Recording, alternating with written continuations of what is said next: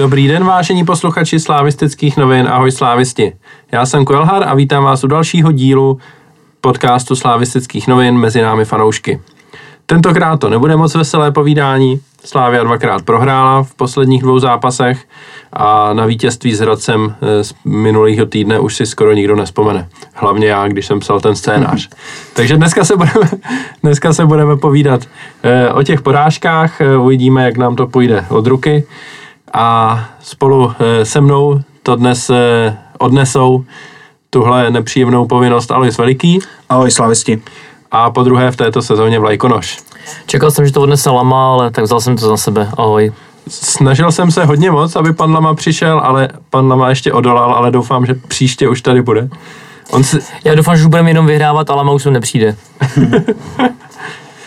no, tak, pojďme na to. Slávia prohrála derby.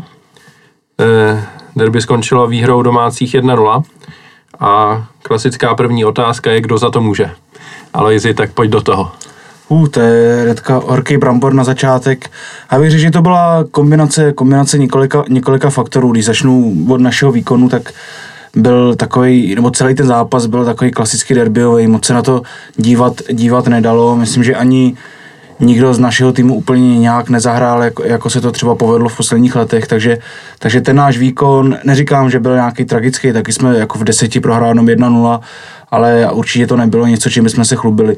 Druhá věc je samozřejmě stav toho kádru, kdy kdy asi nikdo nečekal, že v derby někdy budeme hrát se stoper schodující Ševčík Holeš, že prostě smůla, a nebo možná nevím, jestli smůla, ale ten, ten, ten fakt, že nám chybějí čtyři stopeři, který by pravděpodobně eh, byli stoper číslo 1, 2, 3 a 4, no, možná 1, 2, 3 a pak by bylo Ousou, tak, tak to samozřejmě ten zápas hodně ovlivní. A pak asi o tom ještě budeme mluvit, ta červená karta, červená karta se celý ten zápas, eh, celý ten zápas hodně ovlivnila a věřím, že nebej toho, tak v druhé půli ta síla z lavičky by, by ten zápas překlopila na naší stranu. Lajkonoši? Sparta dala gól, my jsme gól nedali, takže vyhrál 1-0. Ano, pro tyhle expertní názory přesně tě tady máme. Děkuji, že jsi přišel. Tak se tě zeptám radši, jestli trenér zvolil správnou sestavu, anebo udělal nějakou chybu při tom, jak to poskládal. To je prostě po bitvě každý generál, no. To samozřejmě, kdyby jsme vyhráli, že jo, tak ho všichni oslavovat a prohráli jsme, ten výkon za mě byl opravdu jako průměrný. Nic, ničím jako jsme tu Spartu prostě nepřekvapili, nebo v těch našich silných stránkách prostě jsme nebyli dobrý. Ty hráči některý úplně mi přijde, že třeba ztrácejí formu v posledních zápasech. Takže jako těžko, těžko říct, no já sám opravdu nevím, jak bych to jako poskládal, ale musím říct, že to bylo jedno z nejhorších derby, jako co jsem viděl. No. Tak vyloženě se nabízí diskutovat o tom, že třeba Niko Stanču nebyl v základní sestavě, což asi málo kdo čekal, místo něho hrál Linger, což mě třeba jako osobně zas až tolik nevadí, protože mi přijde, že Linger jako když nastoupí, tak nikdy nějak jako nesklame, on samozřejmě má jiný přednosti než Stanču, ale e, jako v zásadě já nemám nic proti tomu, že on nastoupí zvlášť, když prostě člověk má v myšlenkách to, že ten Stanču tam může do té druhé půle přijít a může to nějakým způsobem pozvihnout, pozvihnout, když to třeba jako zrovna nepůjde.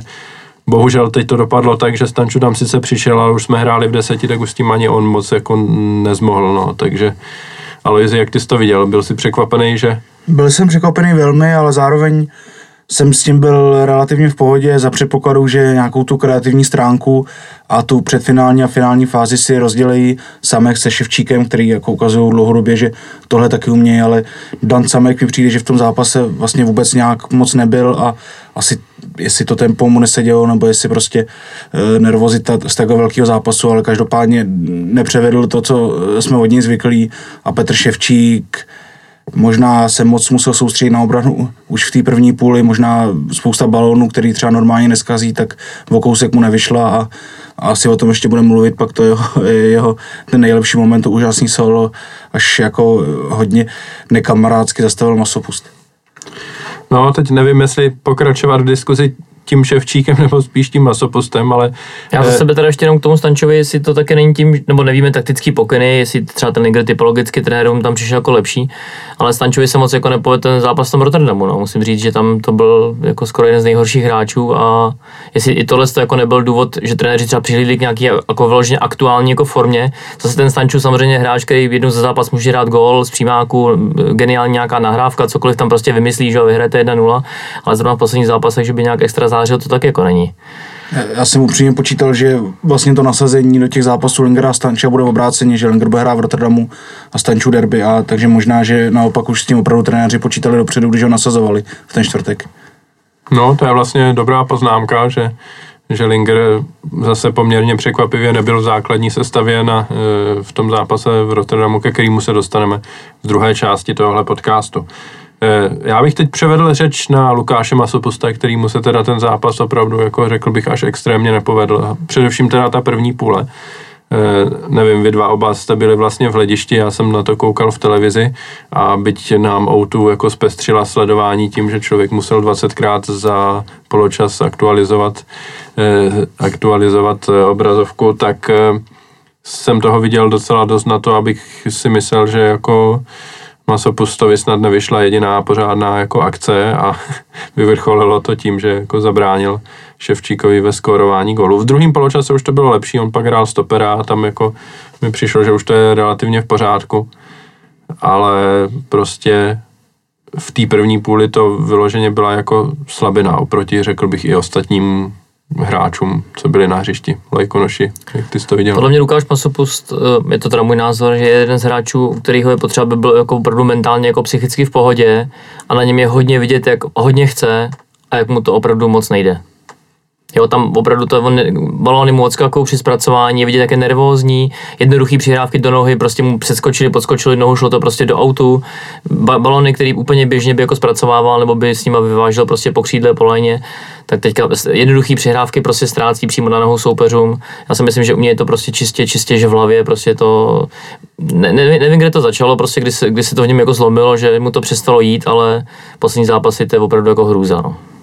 Aloizi? Já souhlasím, že mm, teďka Lukáš Masopust z toho kádru, z toho základu možná opravdu má, má vůbec tu nejhorší formu a, a souhlasím s tím, co tady zaznělo. U něj je to v takových vlnách. Vím, že jestli si pamatuju, tak na začátku sezóny se nějak potýkal se zraněním a pak se do toho vrátil, byl vlastně dobrý jednu dobu a teďka naopak, naopak se prostě ne, ne a nechytit. Možná je to i daný tím, že každý zápas hraje trochu někde jinde, vlastně ani v obraní, ani v záloze, minulo dokonce na levém beku, někdy na levý záloze, což si myslím, že mu vůbec nesedí. Takže prostě nemá, nemá nějaký to tempo, do kterého by se, ve kterém by se chytil a, a těžko vlastně ho, ho chválit určitě. No. Měli bychom ho zaparkovat na toho stopera a ustabilizovat. Si budou muset stejně. Každopádně připomeňme, že právě Masopust v tom posledním derby na letné, který bylo na jaře v poháru, tak tam jako soupeře naprosto jako zasměšnil naopak a byl jeden z nejlepších na tom hřišti, takže to není o tom, že on by na to nějakým způsobem neměl, což doufám, že si ani nikdo nemyslí, ale prostě aktuálně tu formu nemá takovou, aby byl oporou toho týmu, což už od hráče v jeho věku a jeho postavení a s jeho zkušenostma eh, bychom asi potřebovali, zvlášť v takovýchhle zápasech. A ono se můžeme asi celkově bavit o těch křídelních nebo krajních hráčích obecně, který ještě na začátku sezóny čistě na papíře hm, vypadali neskutečně na šlápnutě, že to bude naše největší zbraň a, a najít vlastně někoho z nich, kdo by teďka oplýval nějakou dobrou formou, je, je docela těžký. No. I Oscar, který třeba na začátku byl skvělý, tak v těch posledních zápasech se mu vůbec nelíbil. Hmm. Je to pravda, no, jako těch e, hráčů tam máme e, hodně, teď navíc, když se vrací Plavšič i Olajnka, nastupuje tam Štranc a vlastně nikdo z nich včera nezahrál jako dobrý zápas, nebo aspoň solidní mi přijde. Ono, kdybych ty křídla vztáhnul na celý, celý manšaft, tak mi řekněte hráče, který by to tam táhnul a který by to v tom derby zlomil. Tam prostě nikdo nebyl.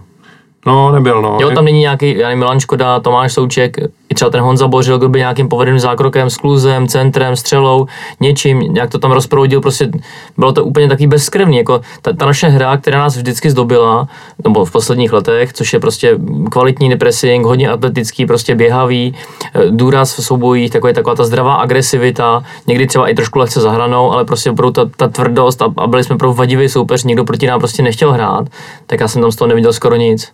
Hmm. Já jako pokud bych měl jmenovat někoho, kdo se mi relativně líbil v té první půli, tak e, si myslím, že Kuchta zahrál docela dobrý zápas.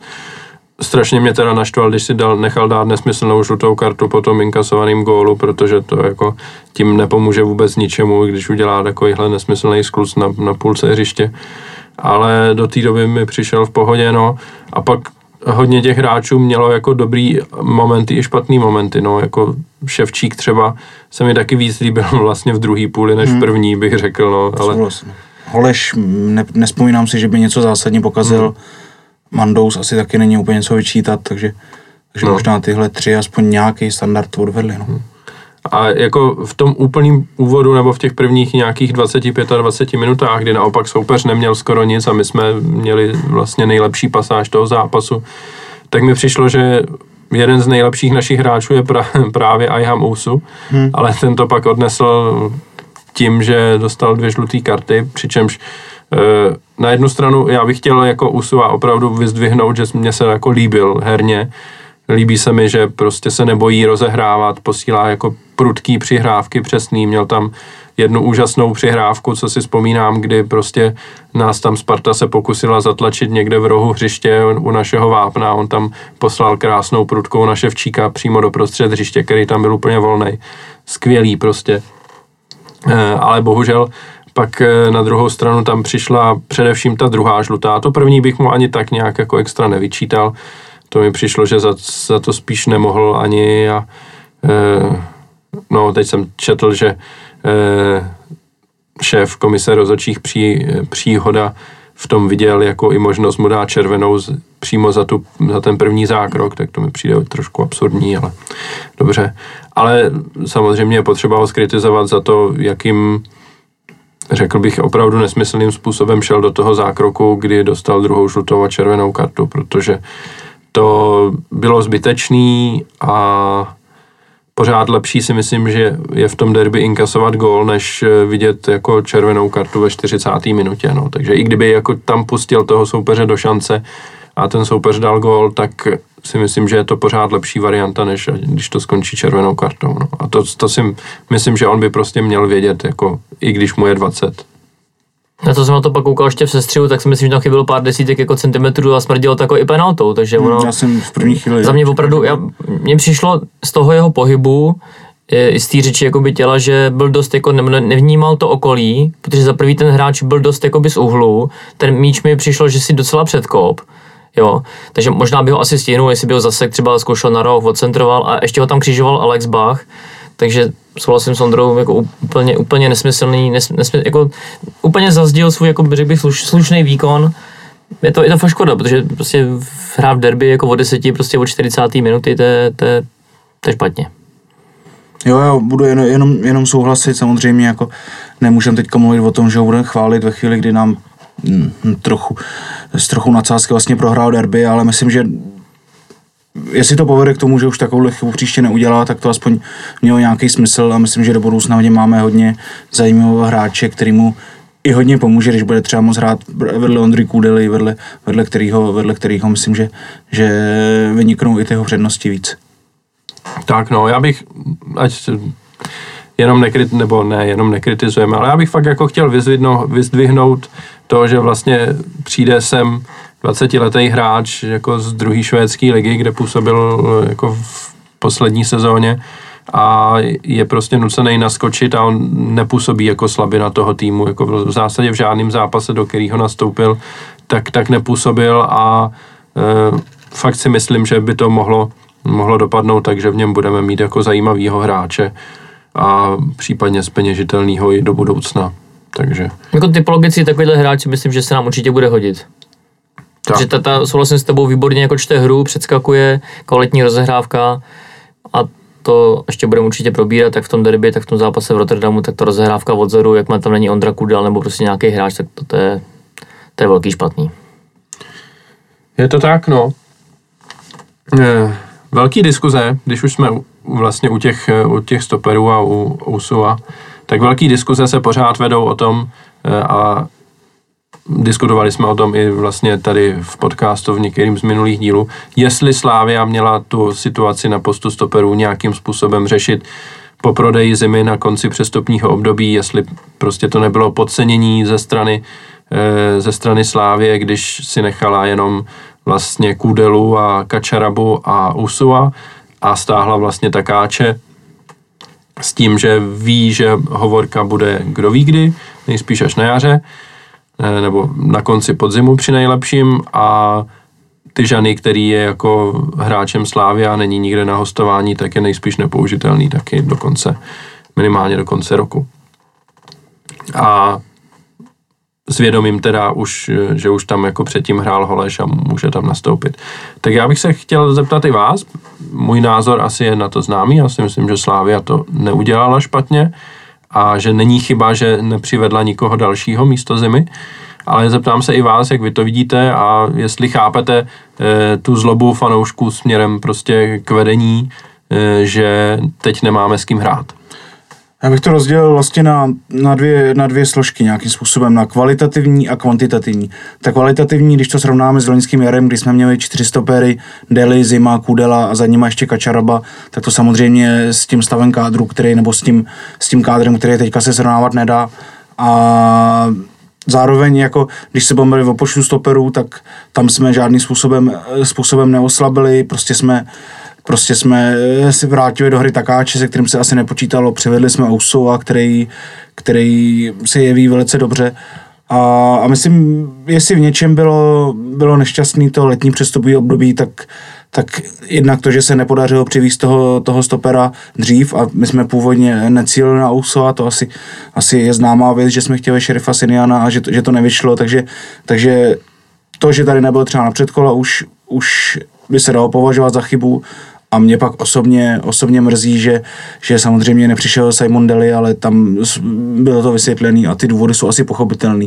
Takže já bych jako nevyčítal vedení chování po, po odchodu zimy, to myslím bylo racionální a myslím si, že mít, mít eh, v kádru čtyři stopery plus, plus hovorku, který se možná už v řádu týdnů nebo měsíců bude vracet a Tyžanyho, teda, který nevím, jestli ještě existuje, ale že to není, že to není málo a myslím si, že jako v tomhle chování po odchodu zimy, který bylo potřeba udělat kvůli penězům, bych jim nic nevyčítal.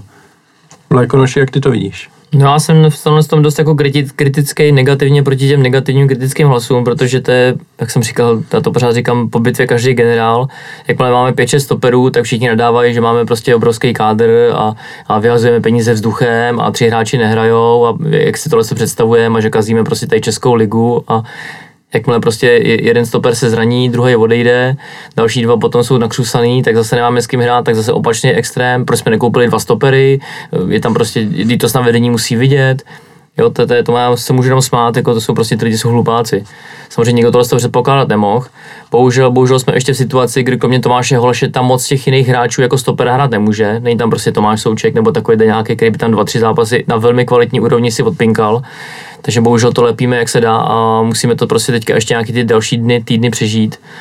A, ale určitě to jakoby poučení nějaký do budoucna. Co se týče odchodu Davida Zemi, tak tam jsem s tím úplně jako v pohodě, protože rozpočet prostě se musí nějak naplnit a pokud na takovýhle hráče přijde taková nabídka, samozřejmě kdyby odešel měsíc předtím, tak by to bylo daleko lepší, líp by se scháněla nějaká náhrada, ale nevadí mi to a jsem s tím jako úplně v pohodě, protože to, to je za mě další jeden z kroků, proč k nám někteří mladí hráči můžou jít. Jo, například i ten USU. On sem prostě přijde a uvidí, hele, tady byl mladý zima, hrál někde v Olomouci, tady odehrál prostě nevím, nějaký tresty zápasy a najednou jde do italské ligy. Tak já tady taky můžu hrát klidně sezónu, sezónu a půl a pak se můžu taky prosadit, prostě ukážu se v Evropě třeba a budu taky někam do zahraničí. I, i, i mladí hráči z České ligy. Takže za mě jedině dobře, že zima odešel. Já možná ještě, ještě vlastně mě napadlo směrem možná jako odpověď na tu kritiku, Mluvil jsem před chvilkou o tom, že na jaře jsme měli ten stoperský post luxusně pokrytý a stejně došlo k tomu, že jsme nastoupili proti Arsenálu a měli jsme zase jednoho stopera, prostě ty okolnosti, okolnosti takové se jít můžou, sešly se nám bohužel dvakrát během, během půl roku, ale, ale myslím, že systémově v tom chyba není. A vlastně té hry tam začal hrát Tomáš Holeš, který, který tu pozici zvládá, ale, ale i trenér často mluví o tom, že chybí v tom středu a myslím, že i včera to byla pravda, že v tom středu znova chyběl, takže prostě fakt, myslím, smolná, nepříjemná situace, kterou já osobně nevím, jak, jak líp řešit, než to dělá trenérský tým. A co mám teda informace, tak Ondra Kudela už jakoby lehce trénuje a Kačaraba už taky do toho brzo půjde, teďka máme reprezentační přestávku, tak já věřím, že už v dohledné době se to výrazně zlepší a už tam, už tam bude z čeho, z čeho zase brát. No. Tak nebude Ousou příště. Ten dostane asi jeden zápas určitě. Jeden zápas dostane, no, jako je to no. červená po dvou žlutých, není důvod jako mu dávat větší trest. A to jsem se chtěl zrovna zeptat, no, jako s kým teda budeme hrát na stoperech proti Liberci po reprezentační pauze, když jako technicky za to všichni jsou doteď zranění a teď Ousu navíc je, bude vykartovaný. Já osobně teda doufám, že Kudela bude schopen hrát a v takovém případě bych čekal, že budou hrát asi Kudela s Olešem zase, no. Asi jo, tak pokud už u Ondry Kudely te, teďka byla otázka, že by to mohl stihnout na derby, tak věřím, že během těch dalších, dalších dnů v reprezentační přestávky už bude, bude připravený. No, kdyby to byl rozhodující zápas, jakoby poslední zápas třeba v nadstavbě a šlo vyloženě o titul, tak Ondra Kudela by nastoupil včera, ale, ale opravdu to nechtěli lámat přes koleno, bylo to na nějakých 60-70% a jak Ondra Kudela sám, tak, tak i trenérský štáb prostě zvážili, že nebyl úplně dobrý to riskovat. S tak. čímž já souhlasím. Tak já si taky myslím, že to je v pohodě. Konec konců i ta porážka eh, neznamená pro Slávy, kdo ví, jakou tragédii v tabulce, k tomu se dostaneme vlastně na závěr téhle části podcastu. Ale než se k tomu dostaneme, tak bych se vrátil zase k zápasu a konkrétně k jeho druhému poločasu, když jsme teda hráli eh, o deseti a už jsme to tady naznačili, že toho fotbalu tam vlastně moc nebylo. A možná se zeptám, jestli si myslíte, že to byla jako nějakým způsobem jednak strategie domácích, ten zápas prostě rozkouskovat. A jestli Slávia prostě neudělala chybu, že se toho jakoby účastnila, protože hromada těch přerušení byla i jako po faulech slávistů, že jo, prostě se to Eh, do jisté míry zvrhlo v to, že tam začaly padat karty jak na běžícím páse a fauly na jedné straně, na druhé straně a čistého času se vlastně toho moc neodehrálo, takže eh, jednak jestli to byla jako úspěšná taktika domácích a jestli Slávia v tomhle jako vyloženě eh, udělala chybu. Mně přijde, že tohle téma se vlastně řeší skoro v obderby právě to, že jeden tým strne druhý, druhý k nějaký válce a, a ten fotbal tam není není a vlastně se skoro nehraje. Nevím, kolik se mohl hrát čistého času včera v, druhý, v druhém poločase, možná 20 minut, možná, možná o trochu víc. Takže řekl bych, že to je, že to je hodně častý téma u derby a jako nedá se to odůvodnit tím, že to k tomu patří, ale, ale očividně Sparta, Sparta s tím, do té druhé půle nešla s tím, že nás dorazí, ale že, že nějakým způsobem budou, budou asi čekat, čekat na nějaký breaky a nechají nás trochu hrát, protože vzadu to mají to mají eh, postavený relativně silně, nějaký, nějaký centry eh, asi ne, neměla být, nebyla úplně zbraň s naším složením kádru, takže podle mě do toho šli s tím, že že to uhrajou a zkusí zahrozit z nějakého breaku. O to větší je škoda samozřejmě ten gol před půlí, protože takovouhle strategii jsme mohli, mohli eh, rozjet my a vyhovovalo by nám to asi o dost víc.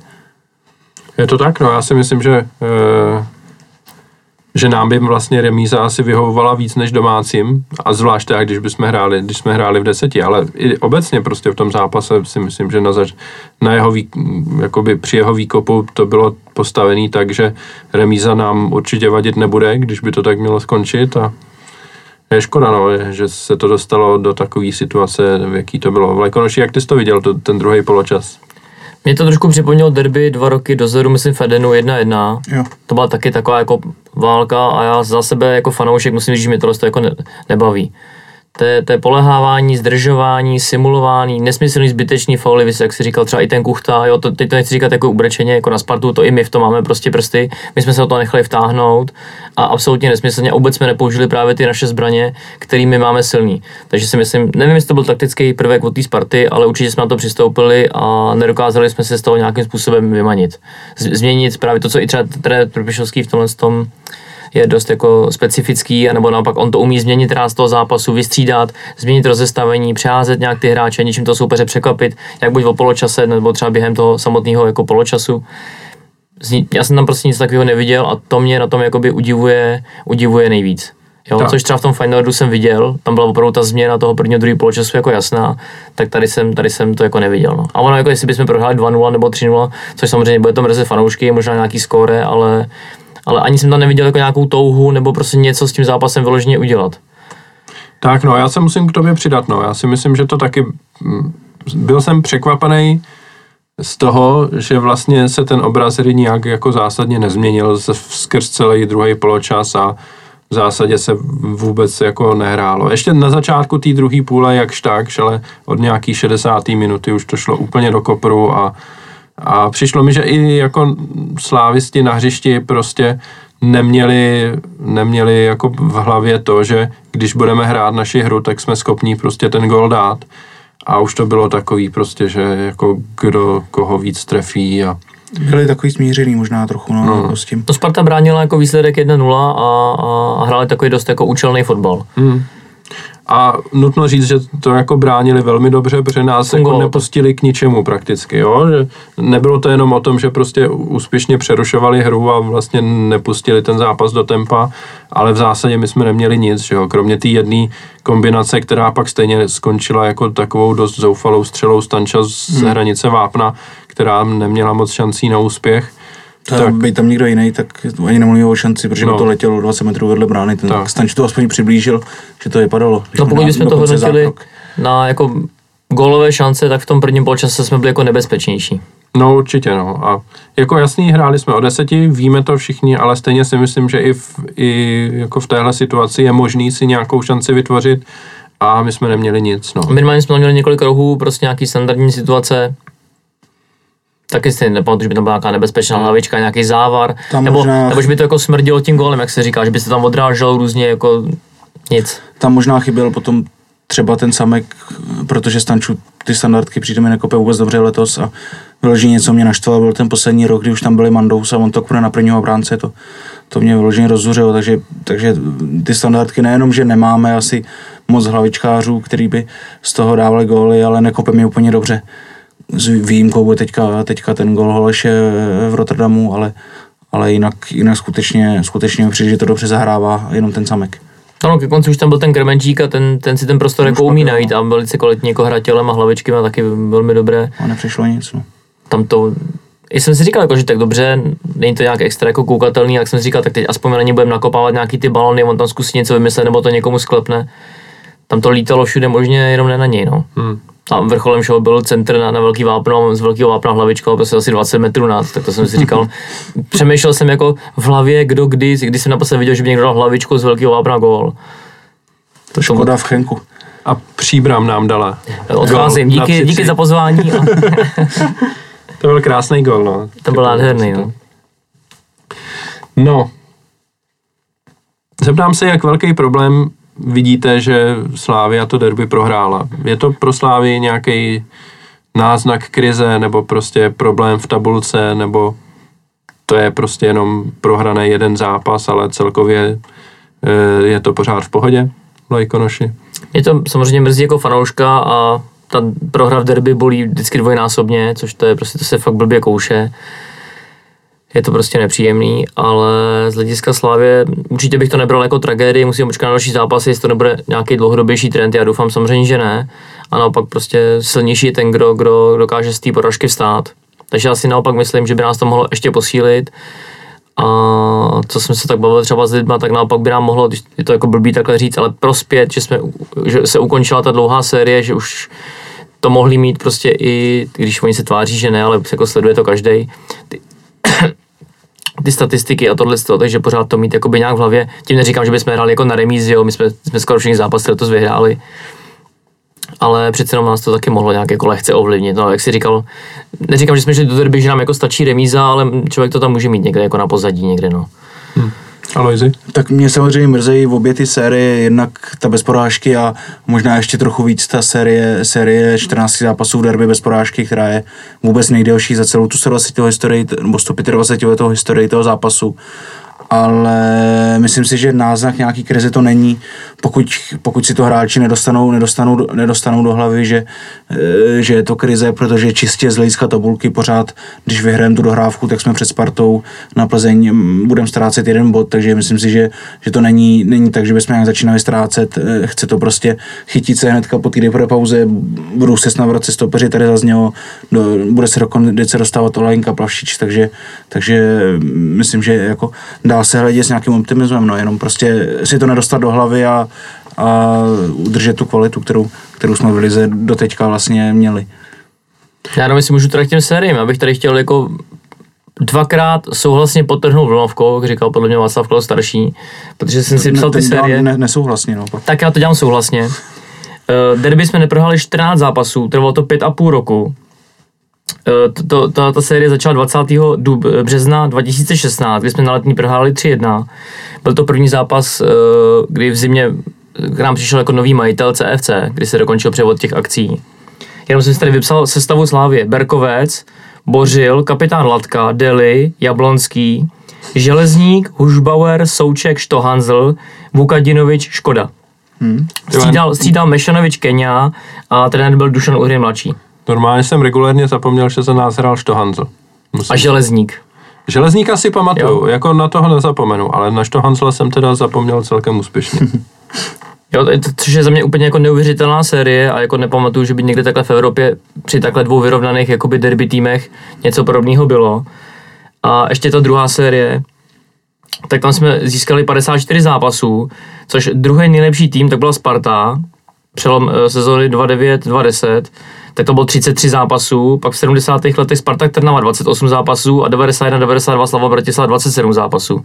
Takže skoro jednou tolik dlouhou šňůru jsme jakoby získali, což je za mě úplně jako neuvěřitelný a všichni hráči jakoby a všichni, kdo se na tom jako podíleli, zaslouží obrovský dík, protože každý takový ten zápis do historie je za mě Jakmile se prostě otevře nějaká encyklopedie, tam u tohle to bude cedulka SK Slávy a Praha, tak já jsem na to hrdý. A to derby tom vlastně těší ještě o to víc, protože si člověk snadno vzpomene, že minimálně třikrát jsme byli pět minut od toho, aby ta série skončila, dvakrát z penalty v poslední minutě, jednou, jednou Musa to tam dával, takže, takže o to víc ta série chutná a věřím, že, že dlouho, dlouho nebude překonaná, když, když 125 let to nikdo nedokázal. A ještě opravdu ty derby jsou tak specifický zápas, že kolikrát Sparta byla obrovský favorit a tlačili nás celý zápas a pak dal Latka Fedenu góla a vyhráli jsme 1-0, takže Nebo zmrhal. tak, ano, to jsem chtěl samozřejmě taky zmínit, ale správně. Bych jenom podotkl, že Zmrhal o víkendu dal gol, zatímco ze Slávie nikdo o víkendu gol nedal. Jo? Tak jenom, aby jsme tak eh, věděli, na čem jsme. tak zimní přistupové okno se blíží.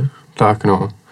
A Zmrhal skandálně byl teď vynechán v nominační, eh, v reprezentační nominaci, což si myslím, že je jako... A to se, Mělo, dokon, mělo by se o tom vědět a diskutovat. a to se dokonce trenér Šilhavý poděl do Martina Fenina. No. Každopádně, zpět ke Slávii. Eh, V Lize máme za sebou tedy devět zápasů. Já bych znovu připomněl něco, co mm, si myslím, že je důležitý a má to vliv na vnímání toho postavení v tabulce, že máme za sebou jenom tři domácí zápasy a šest venkovních. Teď tweetoval jsem to dnes během dneška, přijde na konci měsíce října období, kdy budeme hrát sedm zápasů a z nich šest bude doma a jeden bude v Dělíčku proti Pardubicím, což je jako no, dvě zastávky tramvají od domova. Takže to bude, eh, to bude velmi hezký období, na to se těším.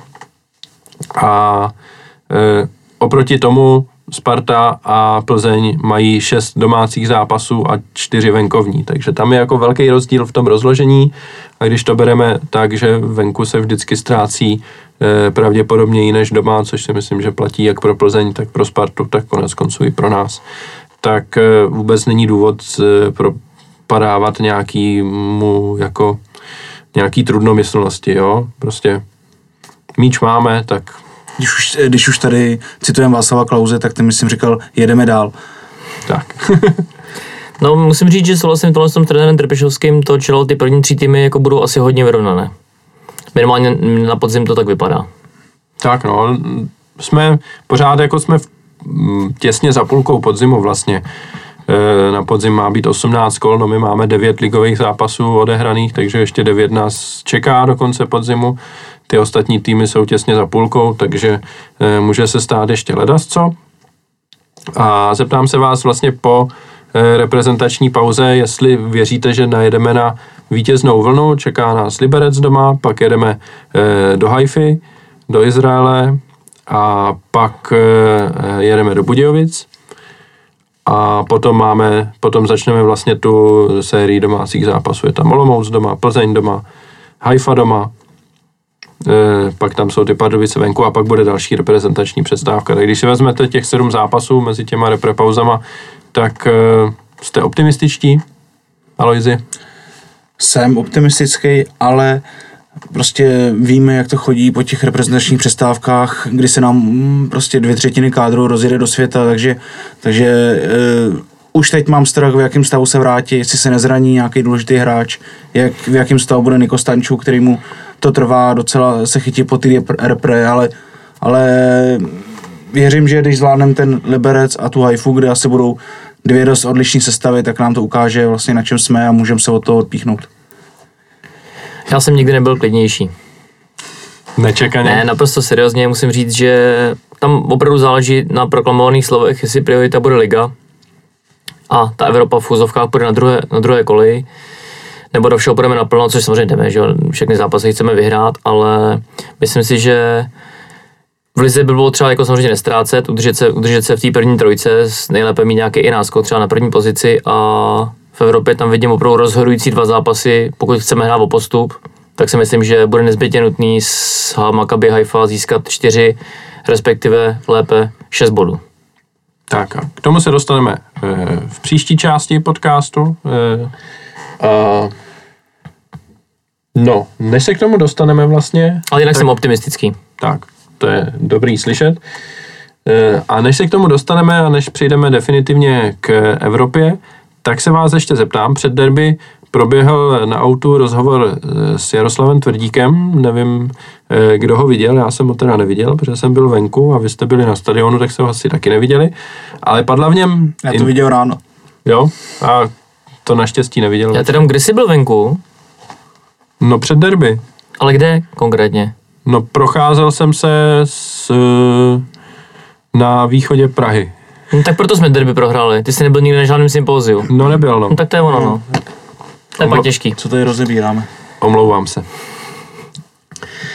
Každopádně v tom rozhovoru padla informace, že Slávia teď bude kupovat eh, jen hráče eh, do 22 let, protože eh, takové hráče je schopná dobře speněžit a příjmy z prodeje hráčů budou tvořit zásadní složku rozpočtu Slávie do budoucna. Takže Aloizi, jak ty to vnímáš, tohle prohlášení, bereš to úplně vážně a myslíš si, že opravdu do Slávie už nebudou přicházet žádní starší hráči anebo to bereš nějak jinak? No, neberu to vážně, abych si přiznal, přijde mi to, přijde mi to další jako eh, z, z prohlášení Jaroslava Tvrdíka, který může snadno někdo omlátit vo hlavu a ani nevím, jestli to chtěl takhle natvrdo říct, protože už jenom teďka v kádru máme, myslím, že Taraska Červa pořád není náš, tomu je víc než 22, máme tady Krmenčíka na hostování, tomu je víc než 22. V zimě přišel Mandous, Madsen, těm je taky víc, Šranc, tak jako přijde mi, že takováhle radikální změna strategie, která vlastně popře všechny předchozí období a určitě i, i popře to, co chtějí trenéři, tak, tak jako přijde mi nesmyslná a můžeme můžem si sami dát příklady, kdy přišli hráči, kterým, kterým bylo méně než 22, třeba Beran a Helebrand a absolutně se nechytili, tak, takže bychom riskovali, riskovali tím, že budeme vodit jenom takovýhle hráče s nejistou, s nejistou nějakou aktuální budoucností. Myslím si, že se to nestane a že je to potom zbytečný tohle říkat, protože to snadno někdo omlátí předsedovi eh, o hlavu. Ještě bych taky připomněl příklad hráčů, který jsme koupili, byli starší a stejně jsme je prodali, jako třeba Coufal. Hmm. Vlajkonoše, jak ty to vnímáš? Já to vnímám takhle. Mládežníci do toho. Pokud, pokud bude trend, a schválně neříkám, eh, nebo já přesně nevím, jak to v tom rozhovoru zaznělo, jestli to byl nějaký jako vloženě strop a že žádný jiný hráč starší jako nepřijde. Pokud by byl trend, mně by se líbil trend omlazování přicházejících hráčů, když to řeknu takhle. Tak no, já si taky myslím, že je potřeba to brát s rezervou. Taky řeknu, jako neviděl jsem ten rozhovor, viděl jsem jenom přepisy, tweety, eh, takže nemůžu ani říct, jak to vlastně mohl myslet. Eh, Jaroslav Tvrdík, jestli to myslel opravdu doslova, tak jak je to napsaný, anebo jestli to prostě řekl v nějakým dalším monologu s tím, že, eh, že prostě je, bylo možné celkem jednoznačně z kontextu pochopit, že to není jako myšleno absolutně, ale prostě dává smysl hledat zahraniční hráče mladý. Píše mladší, no. Mladší prostě typ úsu, myslím si, že Madsen taky není ještě průšvih, ten tomu bylo snad 23, ne, 23. když přicházel. Bach, nevím, jestli taky 23 mu bylo, když přicházel, no, takže jako tyhle hráče si myslím, že když budeme hledat v zahraničí, tak eh, proč ne, klidně ať hledáme i 20 letý, 19 letý v pohodě, eh, ale jako je za mě málo pravděpodobný, eh, že se stane, že Slávia prostě nebude přivádět hráče starší, zvlášť z České ligy, protože v České lize velmi často je to tak, že hráč prostě do 25 let vypadá zoufalé nebo průměrně a pak najednou jako v 26, 27 je z něj hvězda. Konec konců můžeme se podívat za řeku na Peška, který prostě je mu asi kolik, 27, 28 a hmm prostě před minulou sezónu ještě byl jako úplně v podprůměru ligy, že jo. Tak konec konců se můžeme podívat na Ondru Kudelu, že jo, který, no. který taky nebyl, když byl vlastně mládežnický reprezentant, ale že by, že by člověk čekal, čekal takovouhle pokud to bylo myšleno, pokud to bylo myšleno jako za účelem z, jako většího spenížení těch hráčů, tak samozřejmě čím mladší ten no, hráč, nebo respektive v, v okamžiku toho prodeje, pokud ten hráč je mladší, tak samozřejmě ta cena jakoby roste, takže takže tam si myslím, že ten trend, mě by to opravdu jako nevadilo, ale opravdu potřeba hodně citlivě, protože ten tým si myslím, že musí být poskládaný jak věkově, tak i třeba zkušenost má. Jo, kolikrát 20 letý hráč může mít daleko větší zkušenosti, může mít odehráno víc než třeba 25 letý, protože hrál v nějakém týmu, který třeba nehrál evropský poháry, nehraje v reprezentaci a podobně.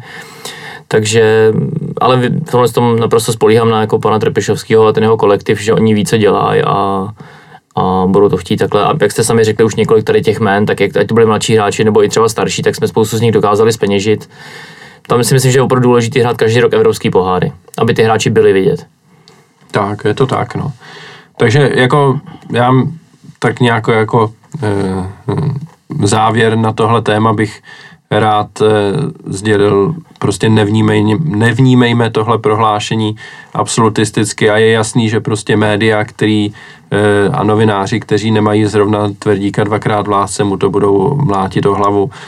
Je to jasný, e, tvrdík prostě jde tomu naproti takovými, takovými prohlášeními, spálili jsme se v tomhle ohledu už několikrát, já to vnímám prostě tak, že je to strategie hledání hráčů mladších, ale nevylučování prostě přestupů starších hráčů, zvlášť České ligy. A e, myslím si, že všichni by s tímhle byli v pohodě, kdyby to bylo prezentované takhle a ne prostě stylem, že už do Slávě nikdy nepřijde starší hráč. Jo. To, Já třeba i za sebe, jestli můžu k těm mladším hráčům vyloženě, nemuselo by to být vyloženě jako nákupy nějakých jakoby dražších hráčů nebo z ciziny. V nějakém bližším horizontu, tak si myslím, že by si mohli tahat hráče třeba i přes tu Vlašim, kde teďka co několik jako nadějných hráčů, jako třeba Filip Refsel, Stoperu a podobně, vypadají dost jako nadějně a to jsou mladší hráči 18, 19, 20 let, který bychom si mohli klidně vzít do A a do A týmu a tam se s nima, tam je prostě sezamovat s tím, s tím top fotbalem a myslím, že by tam klidně mohl někdo vykouknout, což je nejbližších jen půl roku, roce, dvou letech. A dále bych tam zmínil pozitivní informace, co se týká mládežnické akademie, kdy už by se snad jako mohlo opravdu začít stavět třeba příští rok a přes příští rok už by se mohl začít na tom pracovat a tam je to horizont třeba pěti, deseti let, kdyby z toho mohl někdo vylíst jako pořádně. Ale to, to by se mi opravdu líbilo, kdyby v tom vylez třeba jednou za dva, za tři roky nějaký mládežní, prostě nadějný, který by neříkám byl stabilním členem Ačka, ale třeba střídající hráč a bylo by tam opravdu vidět nějaká kvalita, tak z toho bych měl já největší radost.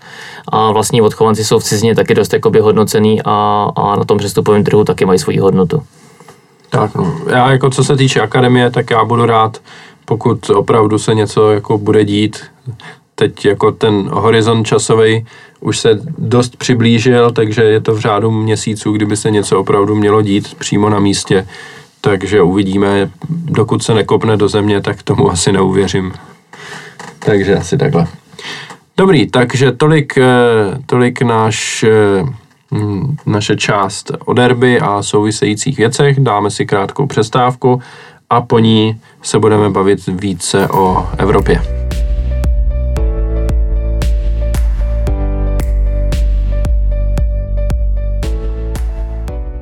Druhou porážkou v posledních dnech, přestože chronologicky byla tou první, eh, byla prohra Slávě na hřišti Feyenoordu Rotterdam eh, v poměru 2-1.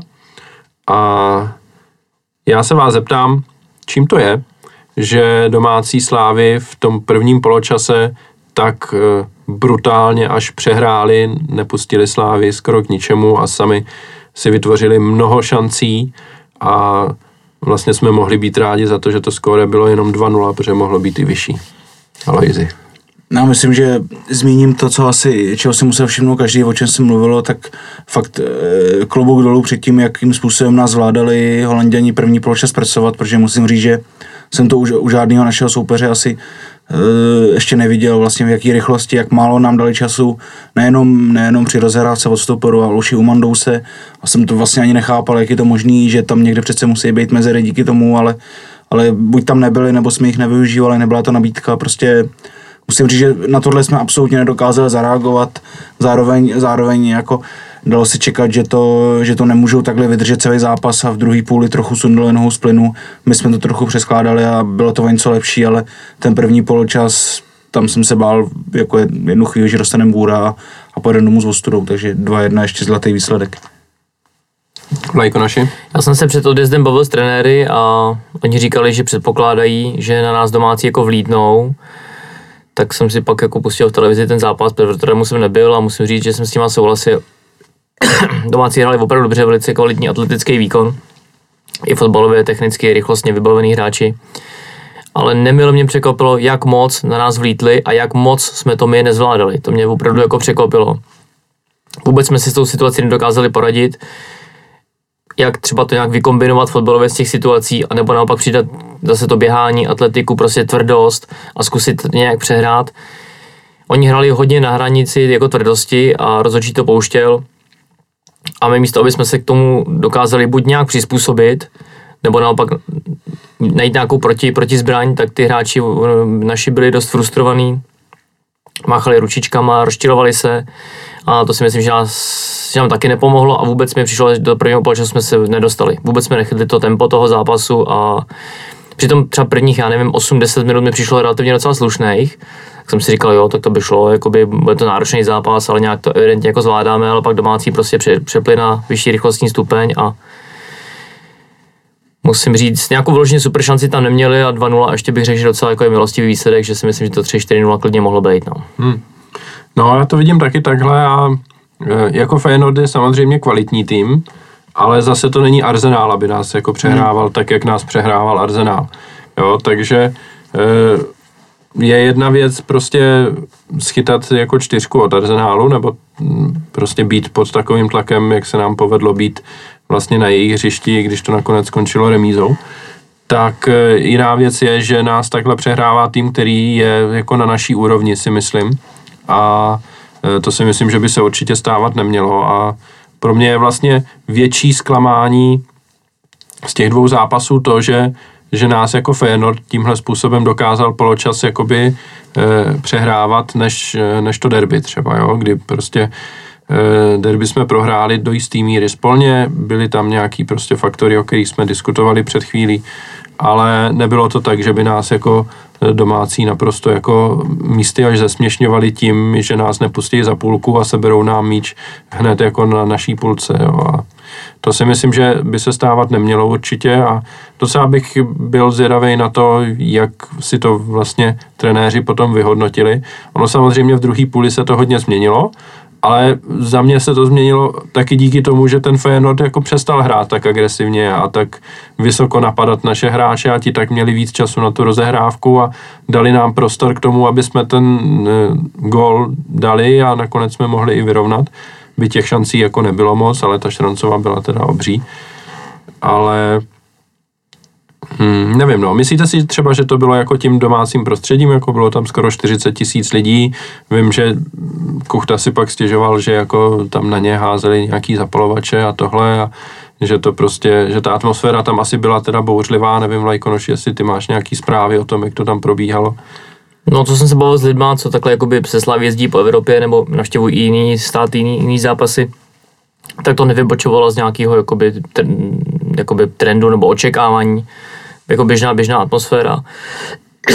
Já za sebe musím říct, že trošku nesouhlasím s tím, že domácí jako sundali nohu z plynu, samozřejmě sundali, protože vedete 2-0, že už jakoby nemusíte si nikam hrát, ale třeba od televize mi přišlo, že od takový 65. 70. minuty jsme daleko zlepšili pohyb, trošku mi přišlo, že se i změnilo rozestavení hráčů, pak jsme to oživili i střídáníma a přišlo mi, že už jim i docházelo těm domácím Jo, což bylo vidět ke konci, tam už opravdu některý od nich je chytali křeče a skončil zápas a skoro všichni od nich padli na zem.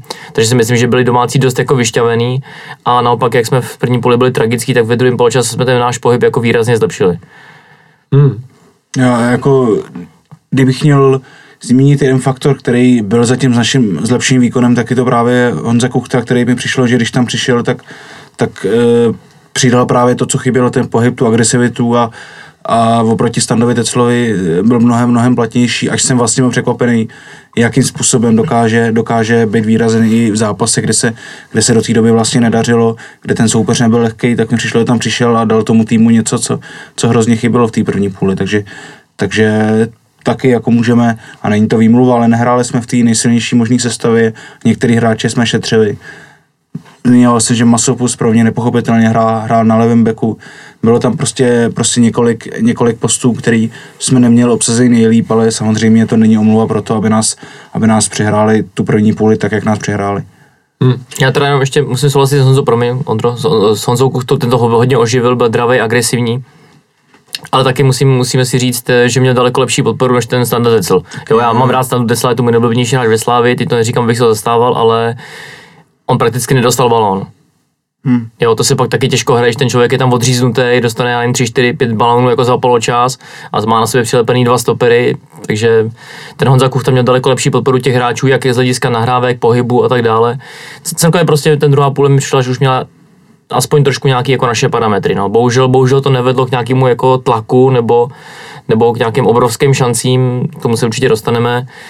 Tam bych viděl určitou podobnost jako s tím derby. No. Tam jsme teda hráli o deseti, ale taky, bys nějak tam hořelo to, nepřišlo mi. Je to tak, no. Já jenom eh, k tomu, proč Masopus hrál na levém beku, no. On to říkal do jisté míry i trenér, že prostě měl respekt z toho, jak, eh, jak je kvalitní soupeř v těch křídelních prostorech takže vlastně tam postavil eh, na ty kraje hřiště čtyři hráče, který všichni v nějaké fázi jako jsou schopní hrát krajního beka, jo, což eh, je i ten Ekpaj, který taky občas v těch zápasech prostě se zasouvá eh, na kraj obrany. Byť si myslím, že mu to tam kdo ví, jak teda nejde, ale je to, je to nějaká možnost evidentně. Takže asi jako ta myšlenka byla, že prostě Ekpaj s Bahem na jedné straně a Masopus s Oskarem na druhé straně jsou schopní jako toho soupeře ubránit, ale eh, bohužel v praxi to bylo úplně, úplně naopak, že jo, protože Masopust e, jako přes něj bohužel, jako zase ho musím v uvozovkách natřít, e, stejně jako jsem to dělal v derby, ale přes něj šel druhý gol a to je prostě situace, kdy letí center do vápna, on ví, že za sebou má hráče, protože se tam před chvílí podíval, ale stejně na ten míč nevyskočí a ten, ten hráč za ním ho přeskočí. Ani se nesnaží to hráče odblokovat nebo něco. No, to, to, to je prostě chyba a e, to přece nemůže udělat, i když hra, nehraje na svém postu, ale je to hmm. prostě standardní jako herní situace, kterou musí ten hráč znát, že jo? takže to, je to trošku, je to trošku škoda, že zrovna Lukášovi jako odešla teď forma ty poslední zápasy, ale jako na, na jednu stranu není sám samozřejmě, ale ale tak, no. Tam se to bohužel za mě tak jako blbě sešlo na té levé straně, že celkově ta levá strana moc jako vůbec nefungovala a na pravé straně ten pravý obránce jich, nevím, nevím teďka jméno si nespomenu, tak za mě to byl asi možná druhý nejlepší hráč jako celkově toho zápasu po té po jedenácté, po tom hmm. záložníkovi, protože ten, co tam předváděl, ten podle mě tam jezdil na motorce. Ten tu lineu neuvěřitelně piloval, technický, patičky, kombinace, prostě přehazoval si tam ty hráče, to masopus tam motal, to mi ho, bylo mi ho úplně jako líto. Musím říct, že takovýhle kolotoč opravdu, co s náma udělali v prvním poločase, za poslední dobu pamatuju snad jenom Arsenal doma. Hmm kdy opravdu to, to, to bylo místo jako bago, prostě v takové rychlosti přihrávky. My jsme si fakt ani jednou, dvakrát nepřihráli, okamžitě nám sebrali prostě balón a hned prostě šli proti nám. Kolikrát jsme to tam hasili prostě za 5 minut 12, Usu tam jako měl několik jako velmi kvalitních defenzivních zákroků. Tam opravdu 2-0 a mohli jsme být jako rádi, že to dopadlo 2-0. No. Tak no. A co se týče toho, že jsme o ty míče rychle přicházeli, tak uh, už jsme se tady bavili, že vlastně uh, Stanču byl střídaný v poločase a za mě i teda Ševčík si myslím, že oba dva. E, Traoré taky, ale e, tomu to ani tolik nevyčítám, protože od, od Traorého člověk nečeká, že ten tým bude táhnout, ale Stanču s Ševčíkem hmm. by měli být ti, na kterých to stojí, nějaká ta jako kvalita té kombinace směrem dopředu. V té přechodové fázi a to se bohužel jako nedělo v tom prvním poločase vůbec a e, oba dva tam ztráceli míče, který, e, u kterých to člověk jako úplně nečeká, že je ztratěj. No. A bohužel ty ztráty e, jsou něco, co vlastně spojuje ten zápas v Rotterdamu i, i to derby. Jo, když si vezmeme třeba to, jak v druhém poločase derby jako Bach vyváží míč a snaží se přihrát před sebe, přihraje tak, že soupeř jako ten míč sebere a jde Sparta najednou do breaku 4 na 3.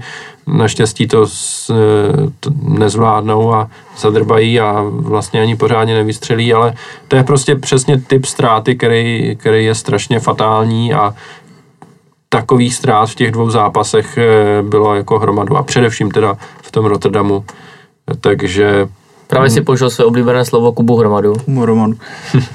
Ale jako srovnávali jsme tady, že, že ten druhý poločas v Rotterdamu a, a vlastně v derby byl podobný tím, že jsme neměli moc šancí, ale přece jenom ten Rotterdam bych řadil o dost vejš, protože tam aspoň byly nějaký náznaky, třeba který se dají trefit, že jo, myslím, že Honza Kuchta tam právě střílel dvakrát z úhlu, byly tam aspoň nějaký centry do na to v tom derby v podstatě nebylo vůbec, takže a samozřejmě znova se vracíme, jsme hráli v deseti, ale, ale kdybych jako měl, měl nějaký z těch dvou poločasů druhých dát vejš, tak určitě ten Rotterdam. Hmm. Mě v tom Rotterdamu právě přišlo, že z naší strany v tom druhém poločase byla opravdu, jsme přidali tu kvalitu, jak fotbalovou, tak jakoby tu atletickou, pohybovou, tak na té Spartě prostě já jsem to tam neviděl. Hmm.